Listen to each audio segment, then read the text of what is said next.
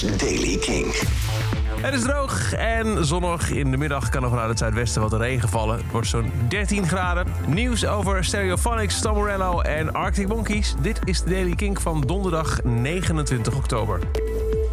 Kelly Jones, frontman van Stereophonics, is vorig jaar wat aan het rondtoeren geweest. Solo, maar dan wel akoestisch liedje zingend van zijn volledige band Stereophonics. En daar komt nu een album van uit. Don't Let the Devil Take Another Day. Daarop hoor je dus akoestische solo-uitvoeringen van Stereophonics liedjes gedaan door de frontman Kelly Jones. Het album komt uit op 3 december en er komt dan ook een nieuwe documentaire uit onder dezelfde naam. Die vertelt over de geheimen en onrust in het persoonlijk leven van de zanger. Tom Morello haalt veel uit zijn quarantainetijd. De reunie toe van Rage Against the Machine, ja, die is eventjes on hold. Die is begonnen zelfs. Nou, de man heeft dan een boek uitgebracht en vandaag heeft hij aangekondigd dat hij met een EP komt. Een EP met vijf nummers komt vrijdag morgen uit. Heet Commandante. Er staat een nummer op dat heet Voodoo Child. Zou het een cover zijn van Jimi Hendrix. En een nummer met Slash.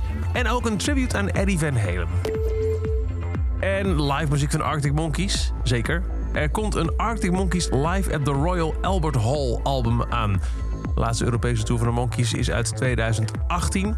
In dat jaar, 7 juni, stonden ze in de Royal Albert Hall in Londen. En dat optreden verschijnt dus op 4 december. Alle opbrengsten van het album gaan naar War Child UK. Tot zover de Daily Kink. Elke dag een paar minuten bij met het laatste muzieknieuws en nieuwe releases. Niks missen? Luister dan dag in dag uit via de Kink-app, kink.nl of waar je ook maar naar podcast luistert. Elke dag het laatste muzieknieuws en de belangrijkste releases in de Daily Kink. Check hem op kink.nl of vraag om Daily Kink aan je smart speaker.